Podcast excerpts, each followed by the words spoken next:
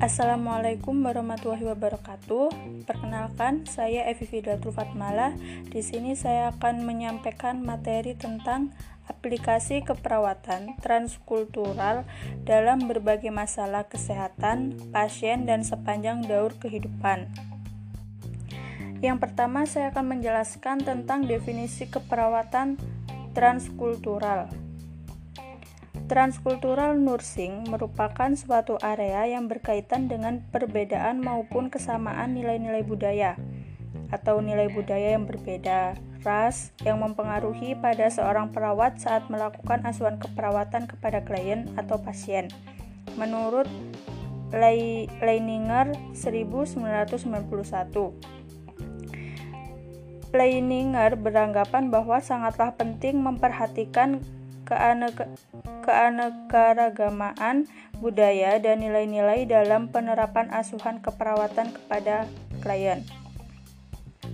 Transkultural nursing adalah suatu area atau wilayah keilmuan budaya pada proses belajar dan praktek keperawatan yang fokus memandang perbedaan dan kesamaan di antara budaya dengan menghargai asuhan sehat dan sakit didasarkan pada nilai budaya manusia, kepercayaan, dan tindakan, dan ilmu ini digunakan untuk memberikan asuhan keperawatan, khususnya budaya atau keutuhan budaya kepada manusia atau Leininger 2002.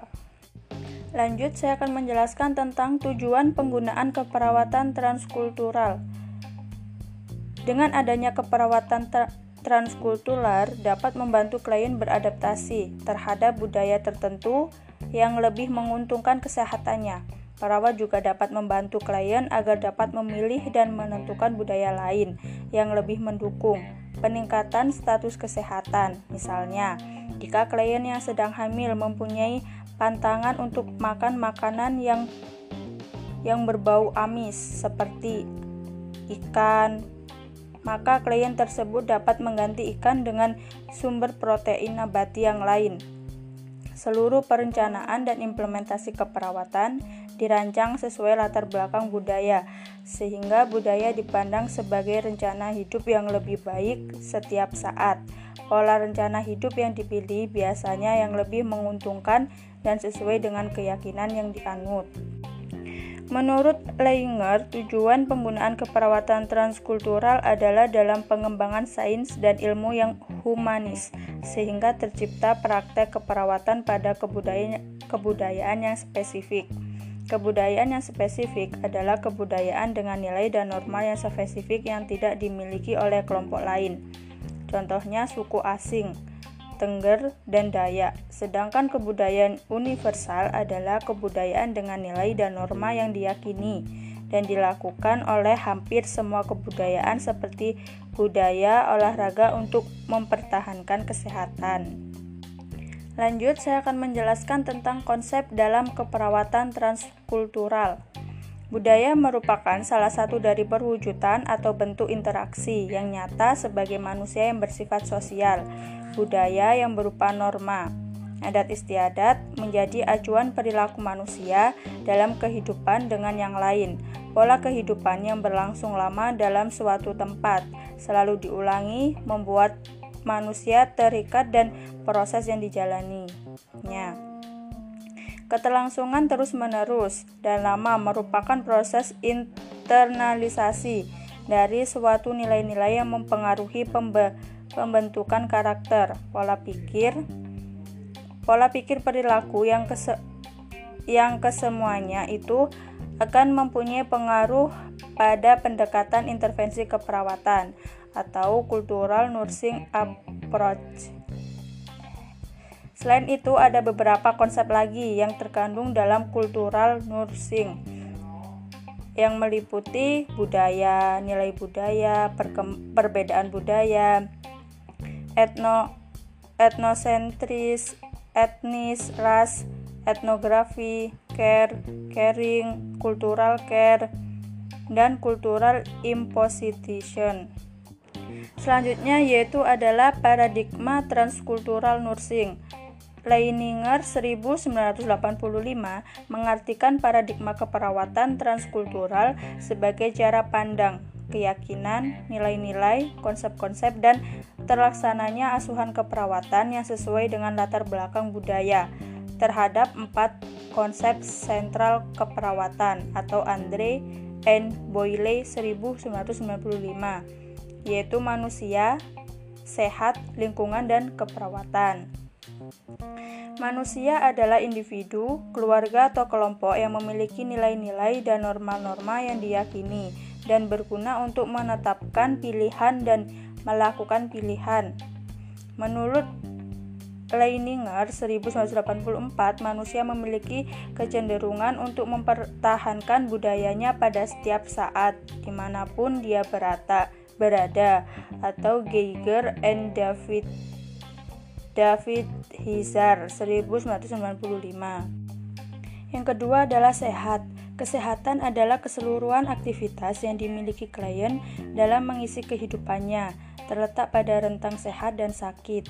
Kesehatan merupakan suatu keyakinan, nilai, dan pola kegiatan dalam konteks budaya yang digunakan untuk menjaga dan memelihara keadaan seimbang atau sehat yang dapat diobservasi dalam aktivitas sehari-hari. Yang ketiga adalah lingkungan. Didefinisikan sebagai keseluruhan fenomena yang mempengaruhi perkembangan, kepercayaan, dan perilaku klien. Yang keempat adalah keperawatan. Asuhan keperawatan adalah suatu proses atau rangkaian kegiatan pada praktik keperawatan yang diberikan kepada klien sesuai dengan latar belakang budayanya. Asuhan keperawatan ditujukan memandirikan individu sesuai dengan budaya klien. Strategi yang digunakan dalam melaksanakan asuhan keperawatan atau Leininger 1991 adalah strategi 1 perlindungan atau mempertahankan budaya. Strategi 2 mengakomodasi atau negosiasi budaya. Strategi 3 mengubah atau mengganti budaya klien.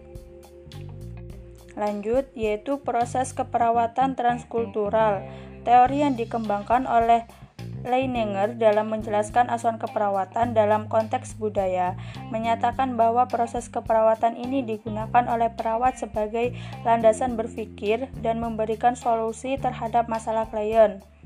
Menurut Andre N. Boy, 1995, Pengelolaan asuhan keperawatan dilaksanakan dari mulai tahap pengkajian, diagnosa keperawatan, perencanaan, pelaksanaan, dan evaluasi.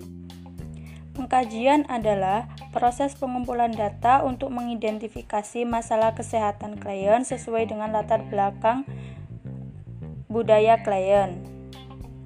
Yang kedua adalah diagnosa keperawatan adalah respon klien sesuai latar belakang budayanya yang dapat dicegah, diubah, dan dikurangi melalui intervensi keperawatan. Menurut Giger and David Hizar 1995, terdapat tiga diagnosa keperawatan yang sering ditegakkan dalam asuhan keperawatan transkultural, trans, transkultural yaitu yang pertama, gangguan komunikasi verbal berhubungan dengan perbedaan kultur. Yang kedua, gangguan interaksi sosial berhubungan disorientasi sosial kultural. Yang ketiga, ketidakpatuhan dalam pengobatan berhubungan dengan sistem nilai yang diyakini.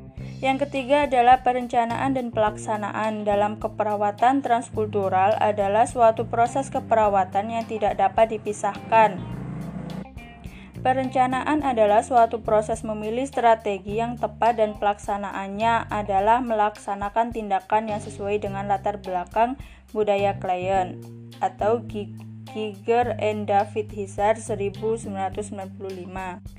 Yang keempat adalah evaluasi asuhan keperawatan transkultural dilakukan terhadap keberhasilan klien tentang mempertahankan budaya yang sesuai dengan kesehatan, mengurangi budaya klien yang tidak sesuai dengan kesehatan atau beradaptasi dengan budaya baru yang mungkin sangat bertentangan dengan budaya yang dimiliki klien.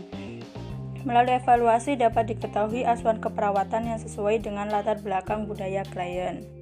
Lanjut, yang terakhir adalah tren dan isu transkultural nursing. Banyak hal dalam budaya Indonesia termasuk dalam cara mereka mempercayai dan mengobati diri mereka untuk membuat hidup mereka mampu menangani sakit yang mereka alami. Sebagai contoh budaya Jawa, di sini budaya Jawa yang sering kami ketahui cara dan adat yang mereka percayai untuk mengobati diri dari saat sakit adalah dengan kerokan. Kerokan bukan hal yang asing bagi budaya Jawa. Lebih dari banyak orang Jawa yang masih menggunakan kerokan untuk mengobati sakit mereka sampai saat ini. Mereka mempercayai ada dan budaya secara turun-temurun. Mereka meyakini, meyakini bahwa dengan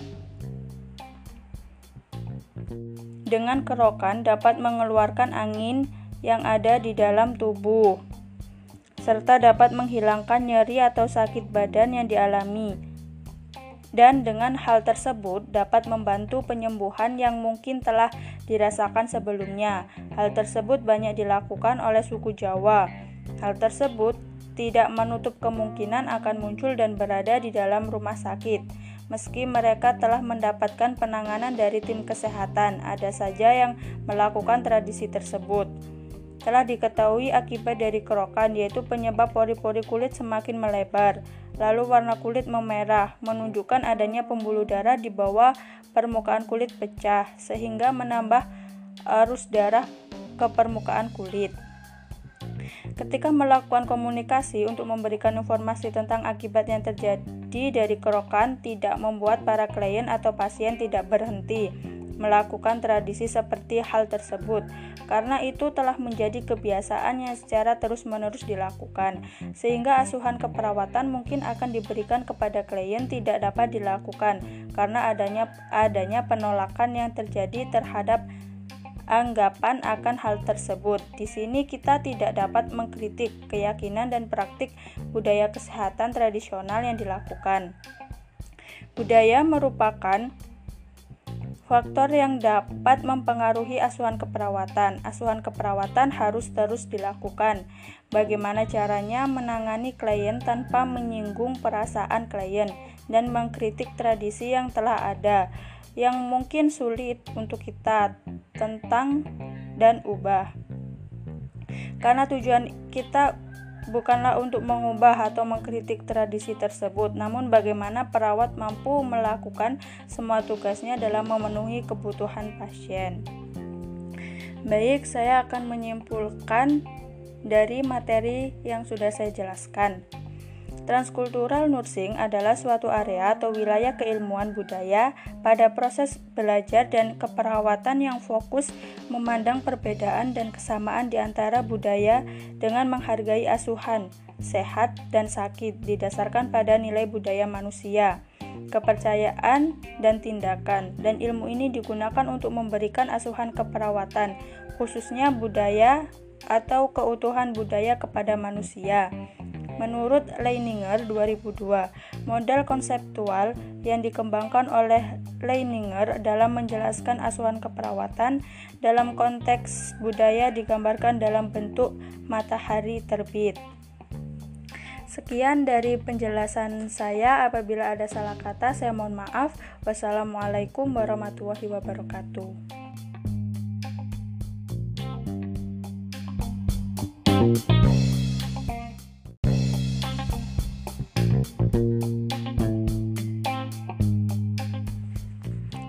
Assalamualaikum warahmatullahi wabarakatuh. E, bertemu lagi dengan saya Evi Fidatul Fatmala.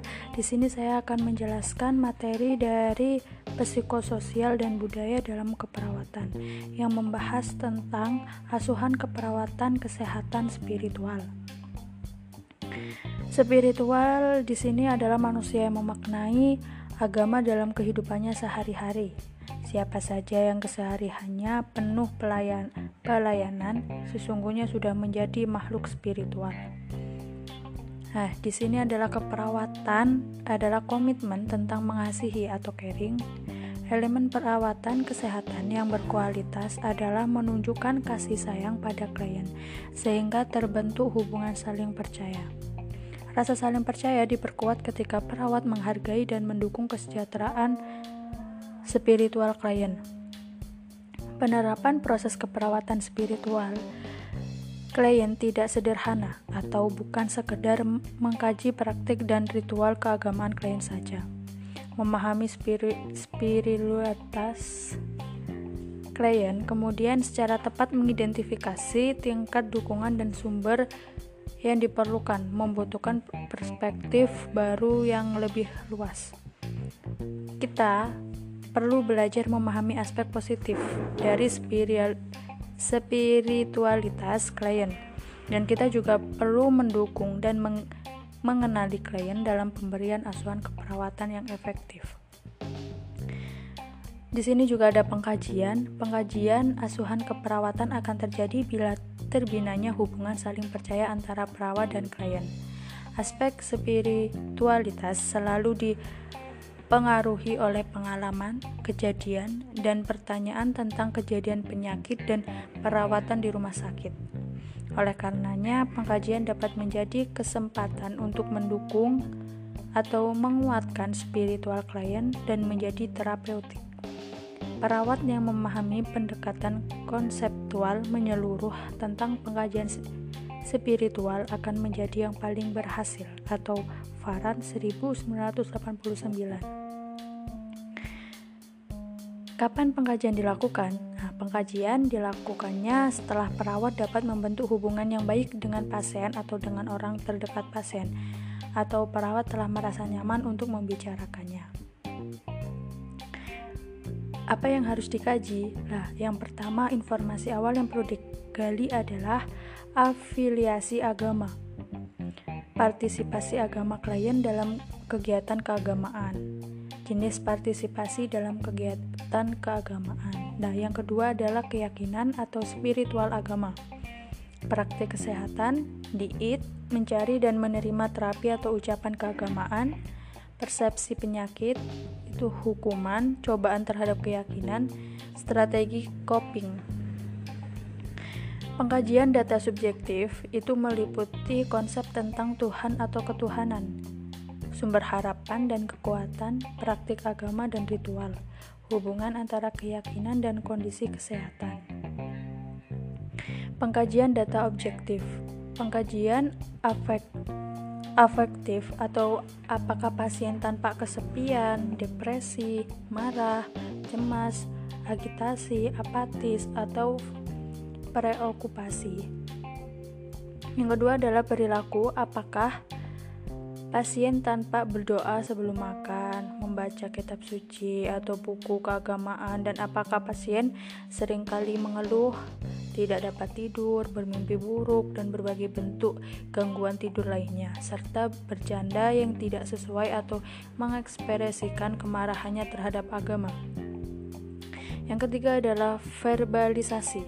Apakah pasien menyebut Tuhan, rumah ibadah, atau topik keagamaan lainnya? Apakah pasien pernah minta dikunjungi oleh pemuka agama dan apakah pasien mengekspresikan rasa takutnya terhadap kematian. Dan yang keempat adalah hubungan interpersonal atau siapa peng, pengunjung pasien, bagaimana pasien ber, berespon terhadap pengunjung, apakah pe, pemuka agama datang mengunjungi pasien, bagaimana pasien berhubungan dengan pasien yang lainnya. Yang terakhir adalah lingkungan, Apakah pasien membawa kitab suci atau perlengkapan ibadah lainnya? Apakah pasien menerima kiriman tanda simpati dari unsur keagamaan dan apakah pasien memakai tanda keagamaan misalnya jilbab? Terutama dilakukan melalui observasi atau Hamid 2000. Lah, gimana cara kita mengetahui diagnosa keperawatan?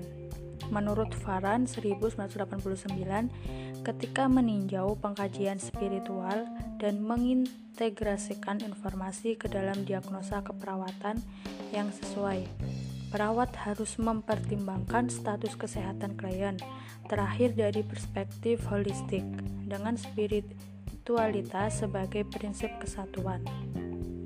Menurut Potter and Perry 1997, setiap diagnosa harus mempunyai faktor yang berhubungan dengan akurat sehingga intervensi yang dihasilkan dapat bermakna dan berlangsung.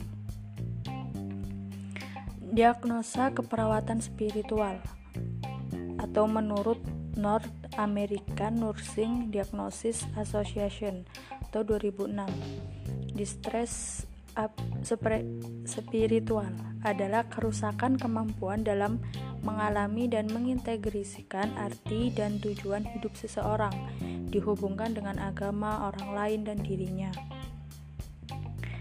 Diagnos yang ruang lingkup diagnosa keperawatan distress spiritual. Yang pertama berhubungan dengan diri meliputi mengekspresikan kurang dalam harapan, arti, tujuan hidup, kedamaian, penerimaan, cinta, memaafkan diri, keberanian, marah, rasa bersalah, coping yang buruk. Yang kedua adalah berhubungan dengan orang lain. Nah, meliputi menolak berinteraksi dengan teman, keluarga, dan pemimpin agama, mengungkapkan terpisah dari sistem dukungan, mengekspresikan keterasingan.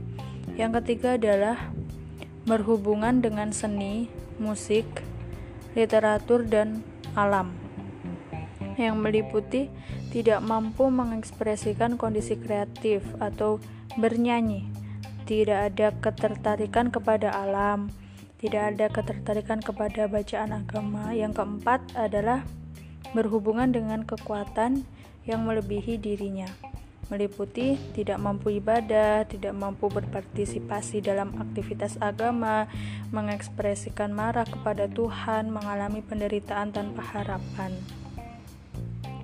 Selanjutnya adalah faktor yang berhubungan dari dari diagnosa keperawatan distress spiritual. Menurut North American Nursing Diagnosis Association atau 2006 yang pertama adalah mengasingkan diri, yang kedua kesendirian atau pengasingan sosial, yang ketiga adalah cemas, yang keempat adalah kurang sosiokultural atau deprivasi, yang kelima adalah kematian dan sekara diri atau orang lain.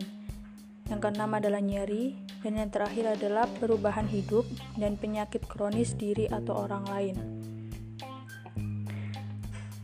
Nah, di sini juga ada perencanaan. Dalam menetapkan rencana perawatan, tujuan ditetapkan secara individual dengan mempertimbangkan riwayat klien, area beresiko, dan tanda-tanda disfungsi serta data objektif yang relevan. Tujuan asuhan keperawatan klien di stres spiritual berfokus pada menciptakan lingkungan yang mendukung praktik keagamaan dan keyakinan yang biasa dilakukan. Tujuan pemberian perawatan spiritual atau Munlai 1983 Yang pertama, klien merasakan perasaan percaya pada pemberi perawatan. Yang kedua, klien mampu terikat dengan anggota sistem pendukung.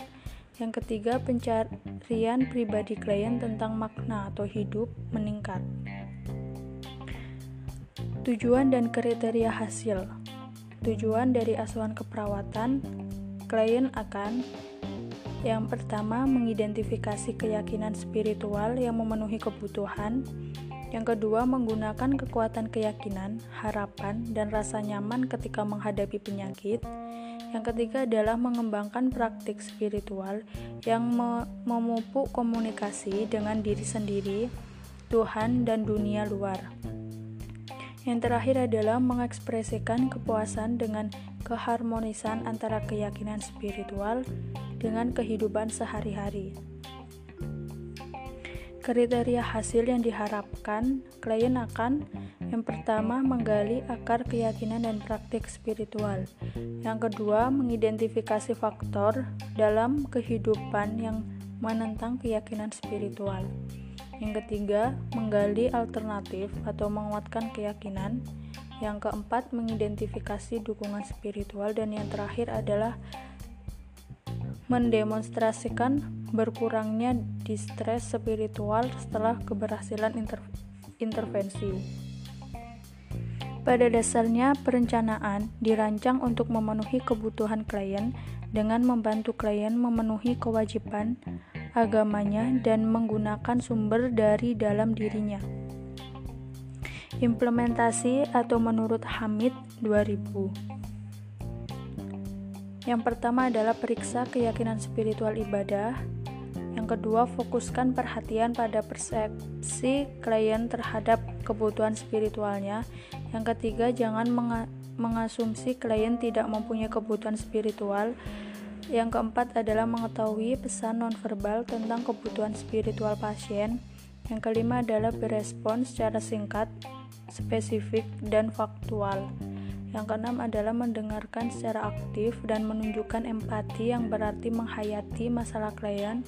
Yang ketujuh adalah menerapkan teknik komunikasi terapeutik dengan teknik mendukung, menerima, bertanya, memberi informasi, refleksi, menggali perasaan dan kekuatan yang dimiliki klien. Meningkat selanjutnya adalah meningkatkan kesadaran dengan kepekaan pada ucapan atau pesan verbal klien dan lain-lain. Implementasi menurut Amenta dan Bahnet 1986 ada empat alat atau cara untuk membantu perawat dalam menerapkan perawatan spiritual yaitu yang pertama menyimak dengan perilaku wajar, yang kedua selalu ada, yang ketiga menyetujui apa yang dikatakan klien, yang keempat adalah menggunakan pembukaan diri. Implementasi menurut Mikloskay dan Bulek Cek 2006 dalam Nursing Intervention Classification atau NIC atau NIC. Salah satu intervensi di stres spiritual adalah support spiritual atau yaitu membantu pasien untuk merasa seimbang dan berhubungan dengan kekuatan maha besar. Dan yang terakhir adalah evaluasi. Perawat mengevaluasi apakah intervensi keperawatan membantu menguatkan spirit, spiritualitas klien. Perawat membandingkan tingkat spiritualitas klien dengan perilaku dan kebutuhan yang tercatat dalam pengkajian keperawatan. Bagi klien dengan penyakit terminal serius, evaluasi difokuskan pada keberhasilan membantu klien meraih kembali harapan hidup atau Potter and Perry 1997. Tujuan asuhan keperawatan tercapai apabila klien mampu beristirahat dengan tenang, menyatakan penerimaan kepuasan moral atau etika, mengekspresikan rasa damai berhubungan dengan Tuhan, menunjukkan hubungan yang hangat dan terbuka dengan pemuka agama, mengekspresikan arti positif terhadap situasi dan keberadaannya, menunjukkan afek positif tanpa perasaan marah, rasa bersalah, dan ansietas, menunjukkan perilaku lebih positif, mengekspresikan arti positif terhadap situasi dan keberadaannya.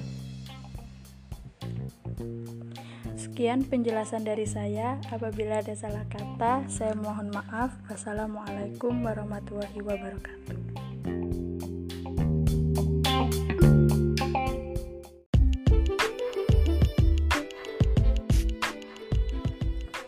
Assalamualaikum warahmatullahi wabarakatuh. Bertemu lagi dengan saya Evi Fidatu Fatmala. Di sini saya akan menjelaskan materi yang kedua yaitu tentang asuhan keperawatan terkait seksualitas. Pembicaraan mengenai seksualitas sering kali dianggap sebagai hal yang tabu. Tidak pantas dibicarakan dalam komunitas umum, bersifat pribadi, hanya dikaitkan dengan masalah hubungan antar lawan jenis. Klien tidak terlepas dari aspek seksualitasnya ketika mereka berada dalam sistem pelayanan kesehatan. Dalam pelayanan kesehatan dengan pendekatan holistik, semua aspek saling berinteraksi.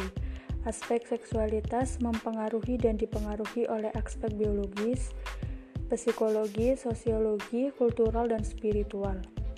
Pengaruh penyuluhan keagamaan peran gender Secara kultural, keyakinan tentang orientasi seksual, pengaruh sosial, dan lingkungan masa lalu dan saat ini mempengaruhi sistem nilai klien maupun perawat. Nah, di sini ada definisi seksualitas dan seks merupakan merupakan hal yang beda. E, definisi dari seksualitas adalah bagaimana seorang merasa tentang diri mereka dan bagaimana mereka mengkomunikasikan perasaan tersebut kepada orang lain melalui tindakan yang dilakukannya seperti sentuhan, pelukan, ataupun perilaku yang lebih halus seperti isyarat gerak tubuh, cara berpakaian, dan perbendaharaan kata, termasuk pikiran, pengalaman, nilai, fantasi, dan emosi. Dan definisi dari seks adalah menjelaskan ciri jenis kelamin secara anatomi dan fisiologi pada laki-laki dan perempuan, hubungan fisik antar individu atau aktivitas seksual genital. Identitas gender merupakan perasaan seseorang tentang jenis kelaminnya. Perilaku peran gender adalah bagaimana seseorang berperan sesuai gendernya, nilai-nilai yang dianut individu dan lingkungannya. Perawat mengkaji kemungkinan terjadinya perubahan peran gender pada klien ataupun anggota keluarga sebagai dampak dari hospitalisasi atau perubahan status kesehatan. Orientasi seksual atau identitas seksual adalah bagaimana seseorang mempunyai kesukaan berhubungan intim dengan orang lain, dengan lawan jenis atau sejenis. Kesehatan seksual didefinisikan sebagai pengintegrasian aspek somatik, emosional, intelektual, dan sosial dari kehidupan seksual dengan cara yang positif yang memperkaya dan meningkatkan kepribadian Komunikasi dan Cinta atau WHO 1975. Definisi ini mencakup dimensi biologi, psikologi, dan sosiokultural. Komponen kesehatan seksual adalah konsep seksual diri, body image, identitas gender, dan orientasi seksual. Konsep seksual diri adalah nilai tentang kapan, di mana, dengan siapa dan bagaimana seseorang mengekspresikan seksualitasnya. Konsep seksual diri yang negatif menghalangi terbentuknya suatu hubungan dengan orang lain. Body image adalah pusat kesadaran terhadap diri sendiri. Secara konstan dapat berubah. Bagaimana seseorang memandang atau merasakan penampilan tubuhnya berhubungan dengan seksualitasnya. Kehamilan, proses penuaan, trauma, penyakit, dan terapi tertentu. Contoh, wanita, bentuk tubuh dan ukuran payudara, pria, ukuran penis. Identitas gender suatu pandangan mengenai jenis kelamin seseorang sebagai laki-laki atau perempuan, mencakup komponen biologi, juga norma sosial dan budaya. Transgender istilah bagi seseorang yang identitas gender atau ekspresi gendernya berbeda dengan anatomi jenis kelaminnya. Transgender mencakup crossdresser, in, intersex, transseksual, preoperatif, dan transseksual postoperatif. Crossdress adalah orang yang rutin menggunakan pakaian dari jenis kelamin yang berbeda Bentuk ekspresi gender tidak perlu dihubungkan dengan orientasi seksual. Banyak cross-dresser adalah heteroseksual. Intersex, intersex adalah orang yang memiliki organ seksual ganda atau ambiguous pada saat lahir.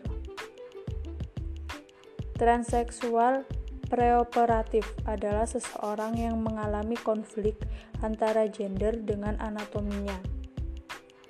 Transseksual postoperatif adalah orang yang telah menjalani operasi untuk mengubah gendernya.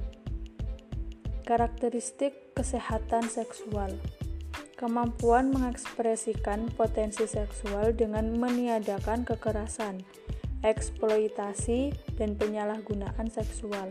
Gambaran tubuh positif ditujukan dengan kepuasan diri terhadap penampilan pribadi. kongruen antara seks biologis, identitas gender, dan perilaku peran gender. Kemampuan membuat keputusan pribadi atau anatomi mengenai kehidupan seksual yang dijalani dalam konteks personal dan etik sosial. Selanjutnya yaitu kemampuan mengekspresikan seksualitas melalui komunikasi, sentuhan, emosional, dan cinta. Kemampuan menerima pelayanan kesehatan seksual untuk mencegah dan mengatasi semua masalah dan gangguan seksual. Menerima tanggung jawab yang berkaitan dengan peran gendernya, menghargai sistem yang berlaku, mampu membina hubungan efektif dengan orang lain. 6. Keterampilan dasar perawat dalam memberikan pelayanan seksualitas. Pengetahuan dan kenyamanan diri terhadap seksualitas pribadi. Pengetahuan tentang pertumbuhan dan perkembangan seksualitas sepanjang rentang kehidupan. Pengetahuan tentang seksualitas dasar, termasuk bagaimana masalah kesehatan, dan penyelesaiannya dapat mempengaruhi seksualitas dan fungsi seks serta intervensi apa yang dapat memfasilitasi ekspresi seksual. Keahlian komunikasi terapeutik. Menerima seksualitas sebagai area penting dalam intervensi keperawatan dan adanya kemauan bekerja dengan klien yang mempunyai berbagai jenis ekspresi seksualitas kemampuan mengenai kebutuhan klien dan anggota keluarga dalam mendiskusikan topik seksualitas, tidak hanya dengan tulisan atau audiovisual, tapi juga melalui diskusi verbal. Review anatomi dan fisiologi sistem reproduksi pria dan wanita. Organ seks wanita, organ seks internal, vagina, uterus, tubulus fallopi, dan ovarium. Organ seks eksternal secara kolektif disebut vulva yang terdiri dari mons pubis atau mons veneris, labia mayora, labia minora, klitoris, dan ostium vaginalis atau intoitus. Organ seks pria Organ seks eksternal pria adalah penis dan skrotum. Organ seks internal pria yaitu testis, epididymis, dan ductus ductus deferens, kelenjar prostat, vesicula seminalis, dan kelenjar Cooper. Tahap perkembangan seksual bayi pada usia 0 sampai 12 bulan. Yang pertama, penentuan gender laki-laki atau perempuan. Pembedaan diri sendiri dengan orang lain secara bertahap. Genital eksternal sensitif terhadap sentuhan bayi laki-laki mengalami ereksi penis, bayi perempuan mengalami lubrikasi vagina. Bayi laki-laki mengalami ereksi nokturna spontan, stimulasi taktil atau sentuhan, menyusu, memeluk, membuai, senang dan nyaman berinteraksi dengan manusia. Toddler atau usia 1 3 bulan e, identitas gender berkembang secara kontinu atau terus-menerus, mampu mengidentifikasi gender diri sendiri, mulai menirukan tindakan orang tua yang berjenis kelamin sama, misal berinteraksi dengan boneka, pakaian yang dipakai. Selanjutnya yaitu prasekolah atau 4 sampai 5 tahun, kesadaran terhadap diri sendiri meningkat, mengeksplorasi anggota tubuh sendiri dan teman bermain, mempelajari nama anggota tubuh dengan benar, belajar mengendalikan perasaan dan tingkah laku, menyukai orang tua yang berbeda jenis, mempertanyakan mengenai bagaimana seorang bayi bisa ada. Usia sekolah atau 6 sampai 12 tahun mempunyai identitas yang kuat dengan orang tua yang berjenis kelamin sama, misalnya anak perempuan dengan ibu, senang berteman dengan sesama jenis, kesadaran diri meningkat, mempelajari konsep dan peran gender, mulai menyukai hal yang bersifat pribadi atau modis. Sekitar usia 8-9 tahun mulai memikirkan tentang perilaku seksual, menstruasi, reproduksi, seksualitas. Selanjutnya, remaja 12 sampai 18 tahun, karakteristik seks mulai berkembang, mulai terjadi menarke, mengembangkan hubungan yang menyenangkan. Dapat terjadi aktivitas seksual, misalnya masturbasi, mengidentifikasi orientasi seksual, homosek atau heterosek, mencari perawatan kesehatan tanpa tanpa ditemani orang tua. Dewasa awal 18 sampai 40 tahun terjadi aktivitas seksual, gaya hidup dan nilai-nilai yang dianut telah kuat. Beberapa pasangan berbagi berbagi tugas, keuangan, pekerjaan rumah tangga, mengalami ancaman terhadap body image akibat penuaan. Dewasa tengah 40 sampai 65 tahun, penurunan produksi hormon, wanita mengalami menopause atau umumnya usia 40 sampai 55 tahun laki-laki mengalami klimaks terik secara bertahap, mulai memperkokoh standar moral dan etik.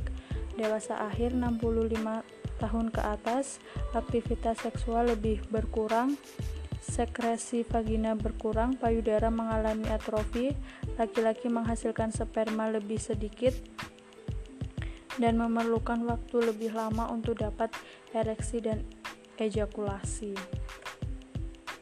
Selanjutnya yaitu faktor-faktor yang mempengaruhi seksualitas.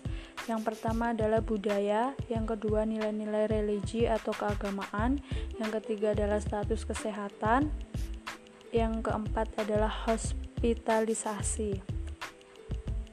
Beberapa masalah yang berhubungan dengan seksualitas yaitu penganiayaan seksual mencakup tindak kekerasan pada wanita, pelecehan seksual, perkosaan, pedofilia, incest, pornografi anak, efek traumatik, masalah fisik dan psikologis, disfungsi seksual. Selanjutnya yaitu aborsi, dilakukan oleh wanita yang telah menikah maupun oleh wanita yang berhubungan seks sebelum menikah. Kontroversi, baik yang pro maupun kontra, klien mungkin dapat mengalami rasa bersalah dan berduka penyakit menular seksual atau PMS, individu terlibat dalam melakukan hubungan seksual. PMS ditularkan dari individu yang terinfeksi kepada pasangannya selama kontak seksual yang intim. Tempat penularannya biasanya genital, tetapi mungkin juga tertular melalui oral, genital, atau anal genital. Penyakit gonorea, klamidia, sifilis, disebabkan oleh bakteri penyakit herpes genital dan HIV atau AIDS. Oleh virus, malu mengungkapkan keterampilan komunikasi perawat. Setelah itu adalah selanjutnya yaitu proses keperawatan. Pengkajian, perawat menghubungkan riwayat seksual dengan kategori berikut. Klien yang menerima pelayanan kesehatan untuk kehamilan, infertilitas, kontrasepsi, atau klien yang mengalami PMS atau penyakit menular seksual. Klien yang sakit atau yang sedang men mendapat terapi yang kemungkinan dapat mempengaruhi fungsi seksualnya. Misalnya klien dengan penyakit jantung, DM, dan lain-lain. Klien yang secara jelas mempunyai masalah seksual. Pengkajian seksual mencakup riwayat kesehatan seksual, pengkajian fisik, identifikasi klien yang beresiko. E, cara mengetahui diagnosa keperawatan.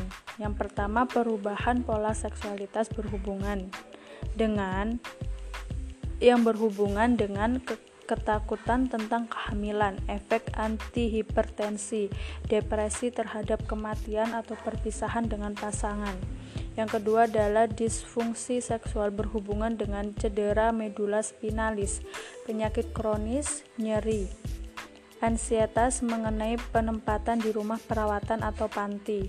Yang ketiga adalah gangguan citra tubuh berhubungan dengan efek masektomi atau kolostomi yang baru dilakukan, disfungsi seksual, perubahan pasca persalinan. Yang keempat adalah gangguan harga berhubungan dengan kerentanan yang dirasakan setelah mengalami serangan infrak miokardium, pola penganiayaan ketika masih kecil. Selanjutnya yaitu perencanaan keperawatan, tujuan yang akan dilakukan yang akan dicapai terhadap masalah seksual yang dialami klien, mencakup mempertahankan, memperbaiki atau meningkatkan kesehatan seksual, meningkatkan pengetahuan seksualitas dan kesehatan seksual, mencegah terjadinya atau menyebarnya PMS, mencegah terjadinya kehamilan yang tidak diinginkan, meningkatkan kepuasan terhadap tingkat fungsi seksual, memperbaiki konsep seksual diri. Selanjutnya yaitu implementasi promosi kesehatan seksual atau penyuluhan atau pendidikan kesehatan, perawat, e, keterampilan komunikasi yang baik, lingkungan dan waktu yang mendukung privasi dan kenyamanan klien. Topik tentang penyuluhan tergantung karakteristik dan faktor yang berhubungan.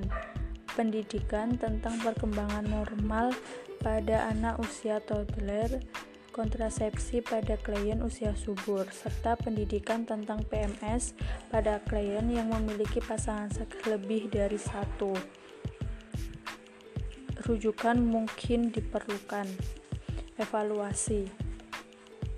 Evaluasi tujuan yang telah ditentukan dalam perencanaan. Jika tidak tercapai, perawat seharusnya mengeksplorasi alasan-alasan tujuan tersebut tidak tercapai. Pengungkapan klien atau pasangan klien dapat diminta mengungkapkan kekhawatiran dan menunjukkan faktor resiko, isyarat perilaku seperti kontak mata atau postur yang menandakan kenyamanan atau kekhawatiran. Yang kedua yaitu klien, pasangan dan perawat mungkin harus mengubah harapan atau menetapkan jangka waktu yang lebih sesuai untuk mencapai tujuan yang ditetapkan. Yang terakhir adalah komunikasi terbuka dan harga diri yang positif. Itu sangat penting. Sekian penjelasan dari saya. Apabila ada salah kata, saya mohon maaf. Wassalamualaikum warahmatullahi wabarakatuh.